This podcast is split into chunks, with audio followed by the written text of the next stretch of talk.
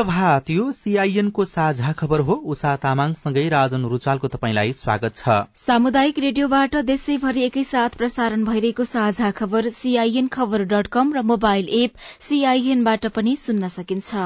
आज दुई हजार उनासी साल कार्तिक दुई गते बुधबार अक्टोबर उन्नाइस तारीक सन् दुई हजार बाइस नेपाल सम्मत एघार सय बयालिस कार्तिक कृष्ण पक्षको नवमी तिथि। साझा खबरमा प्रमुख खबरका शीर्षकहरू। निर्वाचन आयोगले प्रत्यक्षतर्फका उम्मेद्वारका लागि खर्च सीमा तोक्यो। निर्वाचन क्षेत्र अनुसार पच्चीसदेखि तेत्तीस लाखसम्म खर्च गर्न पाउने। जिम्मेवारी बिर्सेर विकासे नारा लगाउँदै उम्मेद्वार। अठार क्षेत्रमा एमाले र पूर्व एमाले बीच मुख्य प्रतिस्पर्धा। संघमा छत्तीस प्रतिशत उम्मेद्वार स्वतन्त्र उम्मेद्वार। नेताको विकल्प हुन सक्ने तर दलको हुन नसक्ने विश्लेषण। धितो पत्र बोर्डले निर्वाचन आयोगलाई झूठा विवरण पठायो। अतिक्रमणको चपेटामा बागमती पहिलो त्रैमासिकमा आमदानी भन्दा खर्च बढ़ी हुँदा सरकारी ढुकुटी ऋणात्मक भाइ मसलादेखि झिलिमिली बत्तीको मूल्य बढ़्यो आयात प्रतिबन्धले व्यवसायी निराश। युगाण्डामा इबोला भाइरसका कारण चौविस जनाको मृत्यु तीनदेखि चार हप्तामा भारतमा ओमिक्रोनको नयाँ उप प्रजाति फैलिन सक्ने विज्ञको चेतावनी युक्रेनमा पानी र ऊर्जा ठप्प। र नवौं राष्ट्रिय खेलकुद प्रतियोगिताको पदक तालिकामा आर्मीको अग्रता कायमै टी ट्वेन्टी विश्वकप क्रिकेटमा आज स्कटल्याण्ड र आयरल्याण्ड तथा वेस्ट इण्डिज र जिम्बावे खेल्दै।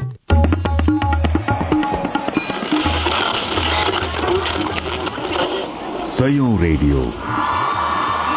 हजारौं रेडियो कर्मी र करोड़ौं नेपालीको माझमा यो हो सामुदायिक सूचना नेटवर्क सीआईएन साझा खबरको सबैभन्दा शुरूमा निर्वाचन आयोगले प्रत्यक्षतर्फका उम्मेद्वारका लागि तोकेको खर्च सीमाको प्रसंग आगामी मंगिर चारमा हुने प्रतिनिधि सभा र प्रदेशसभा निर्वाचनका लागि उम्मेद्वार तथा दलहरूले गर्ने खर्चको सीमा निर्धारण गरी निर्वाचन आयोगले खर्च सीमा सार्वजनिक गरेको छ। आयोगले विभिन्न तीन पक्षलाई आधार मानेर प्रत्यक्ष निर्वाचन प्रणालीतर्फ फरक फरक निर्वाचन क्षेत्रका लागि फरक फरक खर्चको सीमा तोकिएको छ। जसमा छब्बीसवटा निर्वाचन क्षेत्रका उम्मेद्वारले तेत्तीस लाख रूपियाँसम्म खर्च गर्न पाउनेछन् भने एकतीस लाखसम्म खर्च गर्न पाउने क्षेत्रहरू बाहन्नवटा रहेका छन्। यस्तै अधिकतम उन्तिस लाखसम्म खर्च गर्न पाउने क्षेत्र पैंसठीवटा रहेका छन् भने सत्रवटा निर्वाचन क्षेत्रका उम्मेद्वारहरूले बढ़ीमा सत्ताइस लाख खर्च गर्न पाउनेछन् सबैभन्दा कम पच्चीस लाख खर्च सीमा तोकेको निर्वाचन क्षेत्रहरू भने काठमाण्डु जिल्लामा छवटा निर्वाचन क्षेत्र रहेका छन् जसमा एक तीन छ सात आठ नम्बर क्षेत्रहरू रहेको आयोगका प्रवक्ता शालिग्राम शर्मा पौडेलले सीआईएनसँग बताउनुभयो। मतदाता संख्या भूगोल र मतदान केन्द्रको संख्याका आधारमा त्यसलाई चाहिँ एउटा वेटेज दिएर एउटा सूत्र बनाएर साठी पर्सेन्ट मतदाता संख्यालाई वेटेज दियौँ। बिस पर्सेन्ट त्यहाँको भूगोल क्षेत्रलाई वेटेज दिएर अनि मतदान केन्द्रको संख्यालाई बिस पर्सेन्ट वेटेज दिएर। त्यो वेटेजका आधारमा एउटा सूत्रबद्ध वैज्ञानिक ढङ्गबाट सूत्रबद्ध ढङ्गबाट खर्च कुन चाहिँ निर्वाचन क्षेत्रलाई कति खर्च आउँछ त्यसका आधारमा खर्च निर्धारण गरिएको हो। यसै पनि मुलुकको अर्थतन्त्र कमजोर छ। यस्तोमा आसन्न चुनावमा हुने असीमित खर्चले अर्थव्यवस्थालाई झनै कमजोर बनाउने विज्ञहरू विश्लेषण गर्छन्। निर्वाचन आयोगले तोकेको खर्च सीमा भन्दा बढ़ी खर्च गर्ने उम्मेद्वारबारे मतदाता कसरी सचेत हुने? पूर्व अर्थ सचिव कृष्ण हरिवासकोटा भन्नुहुन्छ। यो गणतन्त्रात्मक प्रणालीमा वास्तवमा मेरिटको आधारमा अथवा मुलुकमा भएका असल मान्छे मध्येबाट असल मान्छे निर्वाचित हुनुपर्ने थियो। तर दलहरूले यस किसिमले एउटा राजनीतिक परिवेश बनाए कि त्यहाँभित्र पनि निर्वाचनमा कतै ठेकेदारी प्रथा जस्तो प्रत्येक गाउँ टोलमा कुनै एउटा दलको विशेष व्यक्तिले हामी जुन बिचौलिया भन्छौँ दलाल भन्छौँ दलाल राजनीतिभित्र पनि एउटा दलाली तन्त्रले केही रकम प्राप्त गरेर भोट आफूतिर तान्ने भने जस्तो आयो। वास्तवमा लोकतन्त्र भनेको यस्तो चिज होइन। उम्मेद्वारहरूले चाहिँ अनावश्यक खर्च गरे भन्ने कुरा चारैतिर आइराखेको छ। नआएको होइन। मतदातालाई थाहा नभएको पनि होइन। थाहा छ। सबै कुरा थाहा छ। तर पैसा चाहिँ के फरक पर्छ त नि? दियो भने लिदिउँ न त। भोट त जता हाले नि हालौँला भन्ने मानसिकताको पनि विकास हुँदैछ पछिल्लो समय।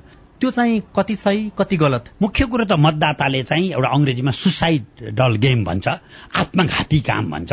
यसको पैसा पाँच हजार लिदिउँ भोट चाहिँ बरु गोप्य हो अर्कैतिर पनि हालिदिउँ भनेर पनि कसैले मतदाताले अर्काको रकम स्वीकार गर्छ भने त्यो मतदाता पनि भ्रष्टीकरणतर्फ नै जान्छ। पृथ्वीनारायण शाहले त्यही भएर त उही बेला भन्न भएको थियो भ्रष्टाचार भनेका लिनिया दिनिया दुवै भ्रष्टाचारी हुन्।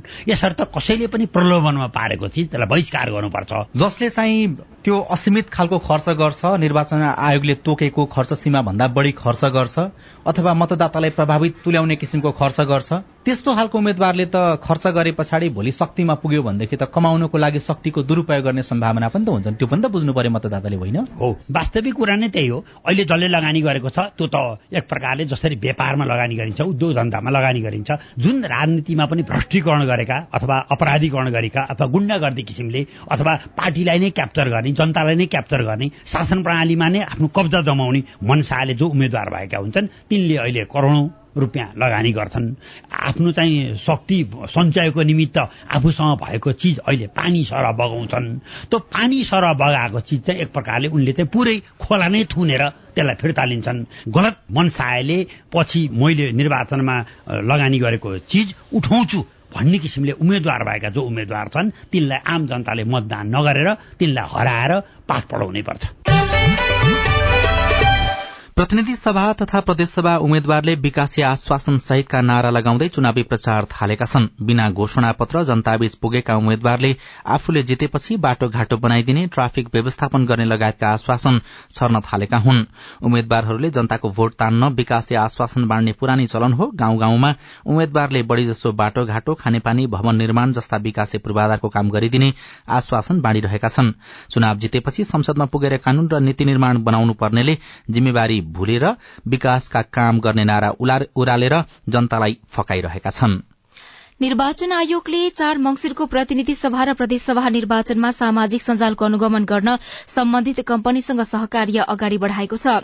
चुनाव प्रचारमा दल तथा उम्मेद्वारको प्रमुख माध्यमका रूपमा सामाजिक सञ्जालको प्रयोग बढ़िरहेका बेला आयोगले मिथ्या भ्रामक सूचना एवं द्वेषपूर्ण अभिव्यक्तिको फैलावट रोक्न सोशल मीडिया कम्पनीसँग सहकार्य गर्न खोजेको हो। आयोगका प्रवक्ता शालिग्राम शर्मा पौडेलले दल उम्मेद्वार कार्यकर्ता र मतदाताबाट डिजिटल रूपमा आचार संहिता उल्लंघन हुन नदिन फेसबुक ट्विटर युट्युब टिकटक लगायत सोशल मीडिया कम्पनीसँग सहकार्य थालिएको बताउनुभयो। नेकपा एमाले प्रतिनिधि सभाका एक सय पैंसठी मध्ये एक सय एकचालिस निर्वाचन क्षेत्रमा उम्मेद्वारी दिएको छ। अठार क्षेत्रमा एमाले उम्मेद्वारको मुख्य प्रतिस्पर्धा पूर्व एमालेका नेतासँग गर्दैछ। ती पूर्व सहकर्मी एकीकृत समाजवादी माओवादीबाट र स्वतन्त्र उम्मेद्वारका रूपमा चुनावी मैदानमा उत्रिएका हुन्। उनीहरूबीच पछिल्लो समय चलिरहेको आरोप प्रत्यारोपले चुनावी प्रतिस्पर्धा पनि तिक्ततापूर्ण हुने देखिएको छ। एमाले विभाजनपछि गत वर्ष गठित एकीकृत समाजवादीले गठबन्धनको भागवण्डा अनुरूप उन्नाइस ठाउँमा उम्मेद्वार उठाएको छ। त्यसमध्ये रूपन्देही दुईका उम्मेद्वार राजु गुरूङका विषयमा सर्वोच्च अदालतमा मुद्दा चलिरहेको छ। तीन क्षेत्रमा भने एकीकृत समाजवादीले गठबन्धन बाहिरबाट एक्लै उम्मेद्वारी दिएको छ। एक उम्मेद्वारका विषयमा भने अदालतमा मुद्दा विचाराधीन रहेको छ। पन्ध्र क्षेत्रमा एकीकृत समाजवादीको मुख्य प्रतिस्पर्धा एमालेसँग छ। एकीकृत समाजवादी आफैमा कमजोर मतभार रहे पनि उसलाई कांग्रेस र माओवादीको साथले ऊ उत्साही देखिएको छ। आसन्न प्रदेश तथा प्रतिनिधि सभा निर्वाचनमा एक तिहाई भन्दा धेरै स्वतन्त्र उम्मेद्वार छन्। निर्वाचन आयोगका अनुसार प्रतिनिधि सभातर्फ दुई हजार चार सय बाह्र मध्ये आठ सय सडसठी स्वतन्त्र उम्मेद्वार छन्। जुन कुल उम्मेद्वारको पैंतिस दशमलव नौ चार प्रतिशत हो। यस्तै प्रदेशतर्फ तीन हजार दुई सय चौविस मध्ये उन्चालिस दशमलव छ चार प्रतिशत अर्थात एक हजार दुई सय अठहत्तर स्वतन्त्र उम्मेद्वार छन्। प्रतिनिधि सभातर्फ काठमाण्डु उपत्यकाका पन्ध्र निर्वाचन क्षेत्रमा एक सय पैंतालिस स्वतन्त्र उम्मेद्वार छन्। उपत्यकामा सबैभन्दा बढ़ी काठमाण्डु सातमा सोह्र जना स्वतन्त्र उम्मेद्वार छन्। प्रतिनिधि सभामा सन्ताउन्न दलले उम्मेद्वारी दर्ता गरेका छन्। स्वतन्त्र उम्मेद्वारी दर्ता गराउनेमा पार्टीले टिकट नदिएका बागी विद्रोही कुनै पनि दलमा आवेदन नभएकादेखि दल त्याग गरेका सम्म छन्। आयोगले स्वतन्त्रको निर्वाचन चिन्ह लिएर मैदानमा रहेकालाई स्वतन्त्र उम्मेद्वारको रूपमा चिन्ने गर्छ। विश्लेषकहरू भने नेताको विकल्प स्वतन्त्र हुन सक्छन् दलको हुन सक्दैनन् भन्ने विश्लेषण गर्छन्। विश्लेषक भास्कर गौतम स्वतन्त्र उम्मेद्वारी दलको अलोकप्रियतासँग जोडिएर आउने बताउनुहुन्छ। उहाँहरू व्यक्तिको विकल्प हुन सक्नुहुन्छ दलको विकल्प भने हुन सक्नुहुन्न विश्लेषक गौतम भन्नुहुन्छ। अर्का विश्लेषक विजयकान्त कर्ण स्वतन्त्र उम्मेद्वार बनेका राम्रा मान्छे संसदमा पुगे भने उनीहरूले परिवर्तनको आवाज बुलन्द गर्न सक्ने बताउनुहुन्छ। सँगसँगै अस्थिरताको सहयोगी बन्ने जोखिम पनि हुने विश्लेषक कर्णको विश्लेषण छ। पुँजी बजारको नियामक निकाय धितोपत्र बोर्डले निर्वाचन आयोगलाई झुटा विवरण सहित पत्र पठाएको छ। आम निर्वाचनको संघारमा आचार संहिता विपरीत धेरै संख्यामा व्यापारिक लाइसेन्स वितरण गर्न थालिएको सम्बन्धमा निर्वाचन आयोगले सोधेको स्पष्टीकरणको जवाफमा बोर्डले झुटा विवरणको सहारा लिएको हो। बोर्डले सोमबार नै आयोगलाई स्पष्टीकरणको प्रत्युत्तर पठाएको थियो। त्यसमा लाइसेन्स वितरण नियमित कार्य हो भनिएको छ। वार्षिक नीति तथा कार्यक्रममा समावेश भएको निर्वाचन आचार संहिता लागू हुनु अघि नै लाइसेन्स वितरणका लागि सूचना जारी भएको सरकार र ऐनले पनि स्टक एक्सचेन्जको लाइसेन्स वितरण अधिकार बोर्डलाई नै दिएको लगायतका कारण उल्लेख गरिएको छ। पत्रका धेरै विवरण भने जुटा देखिएको बताइएको छ।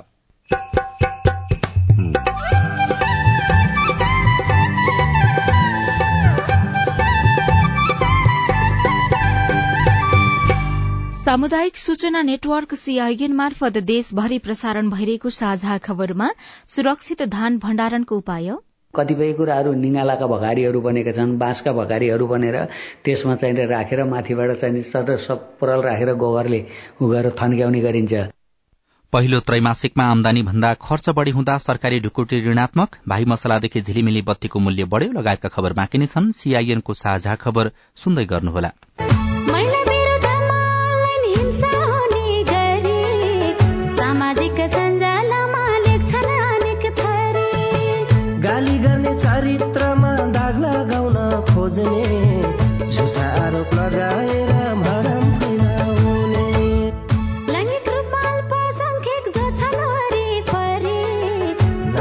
थरी हिंसा गर्छन् होच्याउने गरी।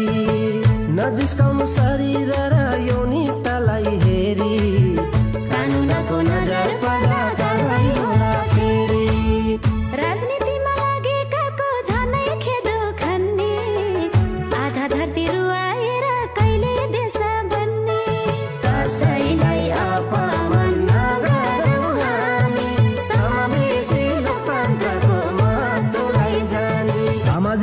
लगायत अनलाइनमा हुने मिथ्या समाचार दुष्प्रचार र घृणा जन्ने अभिव्यक्ति कानूनी रूपमा दण्डनीय छ। अनलाइन हिंसा नगरौं र नसहौं युएसएआईडी र एनडिआई नेपालको आर्थिक तथा प्राविधिक सहयोगमा पर्पल फाउन्डेसनको चेतनामूलक सन्देश। सामाजिक रूपान्तरणका लागि यो हो सामुदायिक सूचना नेटवर्क सीआईएन तपाईँ अहिले देशभरिका सामुदायिक radio CIN Khabar dot com र मोबाइल एप सीआईएनबाट एकैसाथ साझा खबर सुन्दै हुनुहुन्छ। मोबाइल एप नेपाली पात्रोबाट पनि सीआईएनको साझा खबर सुनिरहनु भएको छ। अब आज काठमाडौँबाट प्रकाशित पत्र खबर। गोर्खापत्र दैनिकको पहिलो पृष्ठमा अतिक्रमणको चपेटामा बागमती शीर्षकमा खबर छापिएको छ। यो खबरलाई भौज प्रसाद यादवले लेख्नु भएको हो। बागमती नदी किनार अतिक्रमणको क्रम तीव्र र भयावह बन्दै गएको छ। बागमती मनहरा दोभानदेखि सुन्दरी घाटसम्म अहिलेसम्म ठूला साना गरी तीन दर्जन भन्दा बढ़ी स्थायी संरचना नै निर्माण भइसकेका छन्। कच्ची आवासको संख्या अझ बढ़िरहेका छन्। बागद्वारदेखि कटवाल दहसम्म कुल अड़चालिस किलोमिटर लम्बाई रहेको बागमती नदी किनारमा संरचना निर्माण हुने क्रम अझै रोकिएको छैन। अधिकार सम्पन्न बागमती सभ्यता एकीकृत विकास समितिले नै नर्सरी सञ्चालन गर्न ड्राइभिङ सेन्टर चलाउन पार्किङ सञ्चालन लगायत विभिन्न व्यावसायिक प्रयोजनका लागि व्यक्ति क्लब तथा संघ संस्थालाई बागमती नदी किनारका जग्गा कही भाड़ामा त कही निशुल्क नै दिएको पाइएको छ। यहाँसम्म कि बागमती नदी किनारमा निर्माण गरिएको पार्क सशुल्क सञ्चालन गरिएको छ। अन्नपूर्ण दैनिकमा चौवालिस प्रतिशत संख्यामा बीमा पहुँच रहेको शीर्षकमा खबर छापिएको छ। ममता थापा लेख्नुहुन्छ नेपालका चौवालिस दशमलव शून्य पाँच प्रतिशत नागरिकमा बीमाको पहुँच देखिएको छ। यो म्याग्दी लघु यो म्यादी लघु वैदेशिक रोजगार र जीवन बीमा गर्नेहरूको तथ्याङ्क हो। गत आर्थिक वर्षको भदौमा अठाइस दशमलव एक छ प्रतिशत थियो। बीमा समितिको तथ्याङ्क अनुसार यसरी बीमा गर्नेको संख्या शहरी क्षेत्रका अधिक छन्। म्यादी र लघु म्यादी समेत जोड्दा बीमाको पहुँच चालिस दशमलव चार छ प्रतिशत पुगेको छ तर म्यादी लघु म्यादी र वैदेशिक रोजगार जीवन बीमा लेख बाहेक भने सोह्र दशमलव आठ सात प्रतिशतमा बीमा पहुँच पुगेको छ। नयाँ पत्रिका दैनिकको अर्थ पत्रिका पृष्ठमा कृष्ण प्रसाद रिजालले पहिलो त्रैमासिक प्राप्ति भन्दा खर्च बढ़ी हुँदा सरकारी ढुकुटी ऋणात्मक शीर्षकमा खबर लेख्नु भएको छ। चालू आर्थिक वर्षको पहिलो त्रैमासिकमा सरकारको आमदानी भन्दा खर्च बढ़ी देखिएको छ। असोज मसान्तसम्ममा सरकारको कुल आमदानी प्राप्ति दुई खर्ब बत्तीस अर्ब बाह्र करोड़ रूपियाँ बराबर देखिएको छ। तर खर्च भने प्राप्ति भन्दा छयालिस अर्ब चार करोड़ बढ़ी अर्थात दुई खर्ब अठहत्तर अर्ब सोह्र करोड़ रूपियाँ भएको छ। आयभन्दा व्यय धेरै भएपछि संघीय सरकारको खाता ऋणात्मक देखिएको खबरमा उल्लेख गरिएको छ। त्यस्तै सोही पृष्ठमा भाइ मसलादेखि झिलिमिली बत्तीको मूल्य बढ़ेको खबर पनि छापिएको छ। यो खबर भोजराज भण्डारीले लेख्नु भएको हो। तिहार लक्षित उपभोग्य सामग्रीको बजार मूल्य बढ़ेको छ। तिहार आउन एक साता मात्रै बाँकी रहँदा बजारमा भाइ मसलादेखि झिलिमिली बत्तीको माग बढ़न थालेको छ। तर आयातमा लगाइएको प्रतिबन्धले पर्याप्त सामान नपाउँदा मूल्य बढ़ेको व्यवसायीहरूले बताएका छन्। भाइ मसला र विद्युतीय झिलिमिली बत्ती अधिकांश चीन र भारतबाट आयात हुन्छन् तर सरकारले लगाएको प्रतिबन्धले पर्याप्त तिहार लक्षित सामानहरू आयात नहुँदा मूल्य बढ़न पुगेको व्यवसायी राष्ट्रिय व्यवसायी संघका उपाध्यक्ष रामचन्द्र पराजुलीले बताउनु भएको छ। यसपटक तिहारमा प्रयोग हुने भाइ मसला विद्युतीय झिलिमिलीमा व्यवसायीहरू उत्साही नभएको उहाँको अनुभव छ। व्यवसायीहरूका अनुसार असोज कार्तिक र मंगिरमा अन्य समयको भन्दा पचास प्रतिशत बढ़ी हुने गर्छ तर यो वर्ष दशैंदेखि नै व्यापार साविकको भन्दा बीस प्रतिशतसम्म घटेको छ। उहाँका अनुसार आर्थिक मन्दीका कारण व्यवसायीहरू नै झण्डै बीस प्रतिशतले घटेका छन्। निर्माणाधीन पोखरा अन्तर्राष्ट्रिय विमानस्थलमा परीक्षण उडान तोकिएको समयमा नहुने तिहार अघि रिठेपानी डाँडा कटानको काम शुरू गर्ने र तिहार लगतै परीक्षण उडान गरी आगामी पुष सत्र गतेदेखि व्यावसायिक रूपमा सञ्चालनमा ल्याउने नेपाल नागरिक उड्डयन प्राधिकरणको तयारी थियो तर प्रस्ताव मूल्याङ्कनको काममा ढिलाइ हुँदा परीक्षण उडान नमिने देखिएको हो। पूर्व पश्चिम दिशामा रहेको दुई हजार पाँच सय मिटर लम्बाई र पैंतालिस सय मिटर चौडाई रहेको धावन मार्गको सामुन्यमा सो डाँडा पर्छ। विमानस्थल सञ्चालन अघि विमानस्थलको पूर्वी सिमानाबाट एक दशमलव तीन पाँच किलोमिटरको दूरीमा रहेको रिठे पानी डाँडा पछिको चालिस मिटर र अगाडिको बाह्र मिटर काट्नुपर्ने भए पनि चौध मिटर डाँडा काट्ने बित्तिकै परीक्षण उडान गर्न सकिन्छ। तर डाँडा काट्नका लागि कम्पनी छनौटको प्रक्रिया टुंगिएको छैन। यो खबरलाई मिनराज भण्डारीले गोर्खापत्र दैनिकमा लेख्नु भएको हो। कान्तिपुर दैनिकमा जथाभावी डाँडा खोज्रौँदा बस्ती जोखिममा शीर्षकमा गोविन्द पोखरेलले काभ्रेबाट लेख्नु भएको खबर छापिएको छ। बीपी राजमार्ग अन्तर्गत धुलीखेल नेपालथोक खण्डको खरीबोट चौकी डाँडा मुनि रोसी खोलामा चरङ्गे खोला आएर मिसिन्छ। नवबुद्ध नगरपालिका छमा अवस्थित यो क्षेत्रमा दिनहुँ ढुङ्गा गिटी बालुवा बोकेका टिपर आवत जावत गर्छन्। दोभान नजिकै सानो बस्ती छ। स्थानीय उक्त बस्तीलाई नेउपाने टोल भनेर चिन्छन्। टोलमै रहेको क्रसर उद्योगका कारण स्थानीयको निद हराम भएको छ। क्रसरबाट निस्कने घ्यार घ्यार आवाज र कति सड़कमा लगातार जस्तो आउजाउ गर्ने टिप्परका कारण स्थानीय दिनहुँ शास्ति भोग्न बाध्य छन् तर यस विरूद्ध उनीहरू आवाज भने उठाउन सक्दैनन्। असुरक्षा हुने भन्दै क्रसर र खानी संचालक विरूद्ध बोल्न स्थानीय डराउँछन्। अनुगमनमा पनि सरोकारवाला निकायको चासो नदेखिएको खबरमा उल्लेख गरिएको छ। साझा खबरमा अब हेलो सीआईएन स्नेहा कड़बाट सीआईएनको इमेलमा एकजना लघुवित्त कर्मीको प्रश्न प्राप्त भएको छ। उहाँ लेख्नुहुन्छ अहिले देशभरका विभिन्न स्थानमा लघुवित्तबाट लिएको ऋण तिर्दैनौ। ऋण मिनाहा हुनुपर्छ लगायतका लघुवित्तसँग सम्बन्धित समस्यालाई उठाइँदैछ। लघुवित्त वित्तीय संस्थाप्रति भइरहेका टीका टिप्पणीप्रति नियामक निकाय राष्ट्र ब्याङ्क यसमा लगानी गर्ने ब्याङ्कहरू सञ्चालनमा सहयोग पुर्याउनु पर्ने राज्यका निकायहरू किन मौन देखिएका होलान्।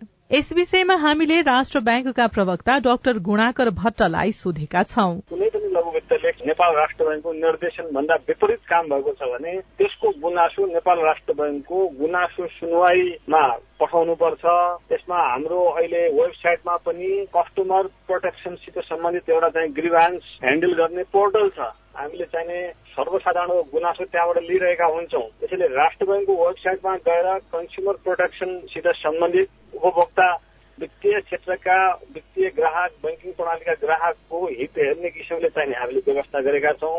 उहाँहरूले चाहिने कार्यालय समयमा कसैलाई परेको गुनासो राख्नुभयो भने हाम्रो सम्बन्धित विभागले हाम्रो गुनासो सुनवाई इकाइले पनि त्यो कुरा सम्बोधन गर्छ। रामेछापका राजेश तामाङ हाम्रो फेसबुक पेज मार्फत सोध्नुहुन्छ नेपालमा भारतीय रूपैयाँ किन सजिलै नपाइएको होला? यो प्रश्नको जवाब पनि हामीले राष्ट्र ब्याङ्कका प्रवक्ता डाक्टर भट्टले नै दिँदै हुनुहुन्छ। नेपाली बजारमा भारतीय मुद्रा त हुनै हुँदैन। नेपाली बजारमा त नेपाली मुद्रा मात्रै हुनुपर्छ। अब त्यो अत्यावश्यक पर्नेहरूका लागि औषधि मूल्यका लागि तीर्थयात्रामा जानेहरूका लागि अहिले पनि दिइरहेछ। नेपाली बजारमा भारतीय मुद्राको अभाव भन्ने कुरो चाहिँ होइन। किन भन्दा नेपाली बजारमा नेपाली मुद्रा नै सर्कुलेट हुने हो। डिजिटल माध्यमको प्रयोगलाई प्राथमिकतामा राखेका छौँ। धेरै जस्तो मान्छेहरूलाई चाहिने अहिले उनीहरूले आफ्नो ब्याङ्क अकाउन्ट जुन छ त्यो कार्डलाई भारतमा पनि प्रयोग गर्न सक्छन्। निश्चित सीमा छ त्यहाँ तोकिएको त्यो सीमाभित्र रहेर त्यसैले नेपाली बजारमा भारतीय मुद्रा चाहिने भन्ने कुरै हुँदैन। नमस्कार म समीर बुढा पछाम रामरसङ गाउँपालिकाबाट मैले सिएनको साझा खबरमा प्रदेश सङ्घीय निर्वाचनको लागि घर दैलो मतदाता शिक्षा सञ्चालन गर्ने खबर सुनेको थिएँ घर दैलो मतदाता शिक्षाको लागि खटाइने कर्मचारीहरू चाहिँ निर्वाचन आयोगमा रहेको कर्मचारीहरूलाई नै खटाइन्छ कि अन्यलाई खटाइन्छ होला? यस विषयमा हामीले निर्वाचन आयोगका सहायक प्रवक्ता सूर्य प्रसाद अरियाललाई सोधेका छौँ। के छ भन्दा स्थानीय तहको सहकार्यमा आयोगले गर्न लागेको छ र खटाउँदाखेरिमा महिला वडाका महिला स्वास्थ्य स्वयंसेविकाहरू मध्येबाट परिचालन गर्ने भन्ने चाहिँ निर्देशिकामा छ त्यो चाहिँ स्थानीय तहले नियुक्त गरेर परिचालन गर्दछ। तपाईँ जुनसुकै बेला हाम्रो टेलिफोन नम्बर शून्य एक बान्न साठी छ चार छमा फोन गरेर आफ्नो विचार गुनासो प्रश्न तथा प्रतिक्रिया रेकर्ड गर्न सक्नुहुनेछ। साझा खबरमा अब विदेशका खबर युगाण्डामा युबोला भाइरसका कारण मृत्यु हुनेको संख्या चौबिस पुगेको छ। युगाण्डाको स्वास्थ्य मन्त्रालयका अनुसार पछिल्लो चार दिनमा थप पाँचजनाको मृत्यु भएपछि देशभर इबोलाका कारण मृत्यु हुनेको संख्या चौबिस पुगेको हो। मन्त्रालयका अनुसार अक्टोबर सोह्रसम्म युबोलाका कारण साठी संक्रमित भएका छन्। भारतीय वैज्ञानिकहरूले अबको तीनदेखि चार हप्तामा ओमिक्रोनको नयाँ उपप्रजाति फैलाउन सक्ने चेतावनी दिएका छन्। भारतको राजधानी दिल्ली लगायतका शहरमा ओमिक्रोनको नयाँ उपप्रजाति तीव्र रूपमा फैलन थालेपछि वैज्ञानिकहरूले यस्तो चेतावनी दिएका हुन्। ओमिक्रोनको नयाँ उपप्रजातिका कारण दिल्लीमा मात्रै पाँच सय भन्दा बढ़ी संक्रमित भएका छन् र युक्रेनमा पानी र ऊर्जा आपूर्ति ठप्प बनेको छ। युक्रेनले रूसले युक्रेनको ऊर्जा केन्द्रलाई नष्ट गरेपछि सर्वसाधारण ऊर्जा र पानीको संकट सहन बाध्य भएका छन्। पछिल्लो समय रूसले युक्रेनको अत्यावश्यकीय केन्द्रलाई निशाना बनाएर आक्रमणलाई तीव्र बनाउँदै गएको छ। साझा खबरमा अब खेल खबर। नवौं राष्ट्रिय खेलकुद प्रतियोगिताको पदक तालिकामा विभागीय टीम त्रिभुवन आर्मी क्लबले अग्रता कायम राखेको छ। प्रतियोगिताको पाँचौं दिनसम्म आर्मीले त्रियासी स्वर्ण पदक जित्दै पदक तालिकामा अग्रता कायम राखेको हो।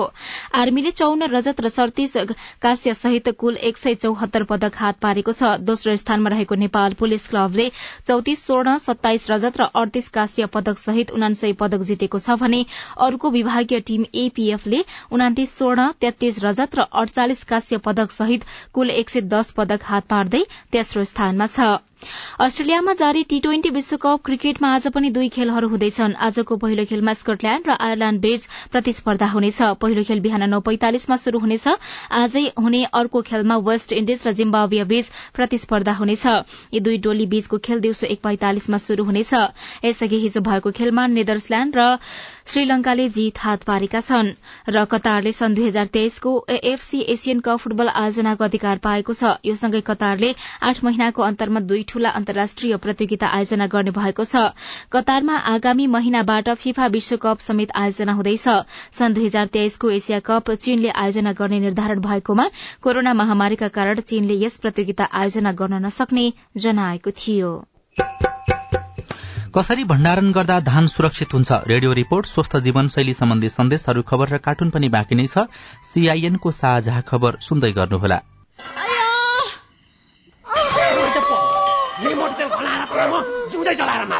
ए बुढा बुढा लौन नि त्यो माइलाले त मार्ने भयो त माइलीलाई। मटी त पो खनाउँदैछ त। लौन नि झट्टै पुलिस बोलाइदिनु त। हो त पुलिसलाई खबर नगरी भएन। यसले त अति नै गर्न लाग्यो। एक शून्य शून्य। Hello police station? लौ न तपाईँहरू झट्टै यो जिल्ला अस्पताल लिएर आइदिनु पर्यो। तपाईँहरू जस्तो असल छिमेकीलाई चाहिँ धेरै धन्यवाद है। हामीलाई बेलैमा खबर गरिदिनु भएर थप अप्रिय घटना हुन पाएन। यसरी अग्निजन्य हिंसा महिला हिंसा गर्नेलाई त कानून बमोजिम दण्ड सजाय हुन्छ। ल यसलाई लिएर हिँड्नुहोस् त। सावधान। पेट्रोल मट्टीतेल जस्ता ज्वलनशील पदार्थ लगायत तेजाब करेन्ट आदिले जलाई ज्यान मार्ने अङ्गभङ्ग गर्ने शारीरिक क्षति पुर्याउने जस्ता आपराधिक कार्य गर्नेलाई प्रचलित कानून अनुसार कडा भन्दा कडा सजाय तथा जरिवानादेखि जन्म कैदसम्म हुने व्यवस्था छ। त्यस्ता कार्य नगरौं नगराउ। अग्निजन्य हिंसा भएमा उजुरी गर्न प्रहरीको नम्बर एक शून्य शून्यमा र अन्य आवश्यक सहयोगको लागि बीबीएस नेपालको फोन नम्बर शून्य एक चौन्न पचपन्न छ आठ नौमा सम्पर्क गर्नुहोला। अग्निजन्य हिंसा विरुद्धको अभियानमा एक्सन एड नेपाल र बीभीएस नेपालद्वारा जनहितमा जारी सन्देश। सामाजिक रूपान्तरणका लागि यो हो सामुदायिक सूचना नेटवर्क सीआईएन साझा खबरमा अब धान भण्डारणको कुरा। देशका धेरै ठाउँमा धान काट्ने र धन्क्याउने बेला भएको छ। वर्षभरिको खाद्यान्नको मुख्य स्रोत भएकाले पनि धान काट्दादेखि भण्डारण गर्दासम्म विशेष ध्यान दिनुपर्छ। धानलाई राम्रोसँग भण्डारण गर्ने तरिका के के छन्? नवलपरासीका मानबहादुर राणा भाटलाई यति बेला धान काट्न भ्याइ नभ्याइ छ। सोह्र कट्ठा खेतमा रोपेको धानले उहाँको परिवारलाई वर्षभरि पुग्छ। अब धान थन्काउने कुरोमा त हामीले त परम्परा अनुसारकै चाहिने हामीले भकारीहरू होइन? कतिपय कुराहरू निगालाका भकारीहरू बनेका छन् बाँसका भकारीहरू बनेर त्यसमा चाहिँ राखेर माथिबाट चाहिँ सर सपरल राखेर गोबरले उ थन्क्याउने गरिन्छ। भने कतिपय के छ त भन्दा अहिले त त्यसलाई सिस्टम चेन्ज गरेर काठको भकारी बनाएर चाहिँ त्यो भित्र राखिने गरिएको छ। इलाम गोलाखर्कका रुद्रप्रसाद नेपालको परिवार पनि अहिले धान काटेर थन्क्याउन व्यस्त छ। वर्षभरि पुर्याउनु पर्ने भएकाले धानमा कतैबाट क्षति नहोस् भनेर उहाँको परिवार सचेत छ। धान चाहिँ वर्षभरिलाई सुरक्षित रूपमा सुक्खा रूपमा राख्नुपर्ने भएको कारणले गर्दाखेरि हामीले बाँसबाट बनाएको चोयाबाट बुनेको मान्द्रो हुन्छ त्यो मान्द्रोलाई चाहिँ भकारी बनाएर हामीले धान राख्न प्रयोग गर्छौं। देशका धेरै ठाउँका किसान अहिले धान थन्क्याउन व्यस्त छन्। नेपालको पहाड़ तराई पूर्व पश्चिम जताततै धान थन्क्याउने तरिका भने लगभग मिल्दो जुल्दो छ। पहिला त दाउने मात्रै गर्थ्यौँ। बाह्र बजे बल्ला लागि नै खल्यान जाने रातभरि डाउने बिहान पख त्यहाँ सन्तरीहरू पराल बोक्ने डङ्सराहरू कोट्याउने गराइदिने गर्थ्यौँ। आज भोलि त अब ठेसर लगाउँछन् के जमाना सुकारी भयो हाम्रो त दुखारी जमाना थियो। यस वर्ष धान रोप्ने बेलामा पानी नपरेका कारण पोहोर भन्दा कम रोपाई भएको थियो। धान रोपिसकेपछि धेरै पानी परेका कारण पनि धान बालीमा असर पुगेको कृषि विभागले जनाएको छ। यसपटक चौध लाख हेक्टर खेतमा धान रोपाई भएको थियो। वर्षभरि खानुपर्ने भएकाले धानको भण्डार गर्दा ख्याल गर्न कृषि विज्ञको सुझाव छ।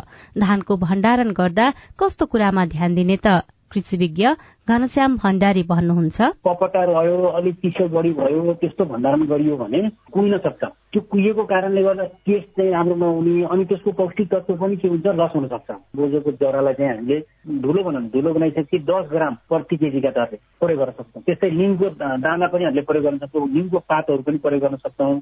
त्यस्तै गरी तपाईँको असुरोको पात प्रयोग गर्न सक्छौँ तितापातीको प्रयोग गर्न सक्छौँ। धेरै किसानले धान रोप्न र काट्न ध्यान दिने तर थन्क्याउन भने हेलचेक्र्याई गर्ने गरेका छन्।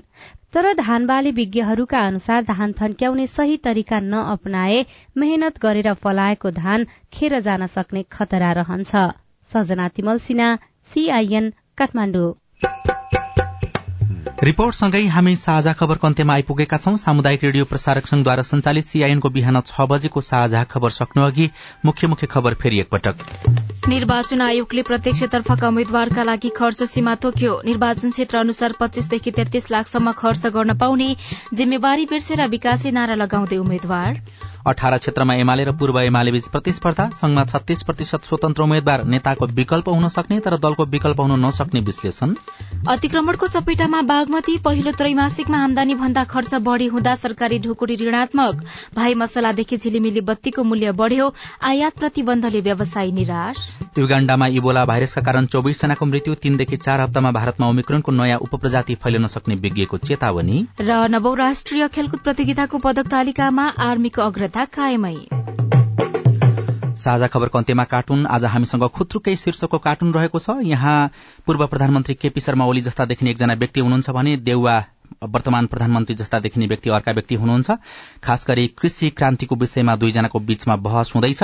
पूर्व प्रधानमन्त्री केपी शर्मा ओलीले प्रत्यक्ष बहसका लागि आह्वान गर्नुभएको थियो। नभन्दै प्रधानमन्त्री एवं कांग्रेस सभापति देउवाले पनि बहसका लागि तयार भएको भनेर यहाँ कार्टुनमा देखाउन खोजिएको छ। दुवैजनाले सुरुवाल र पाखुरा सुर्किएको देखिन्छ। बहस चाहिँ कृषिको विषयमा हुँदैछ। चुनावमा एउटाको सारथी राप्रपा र अर्काको सारथी माओवादी छन्।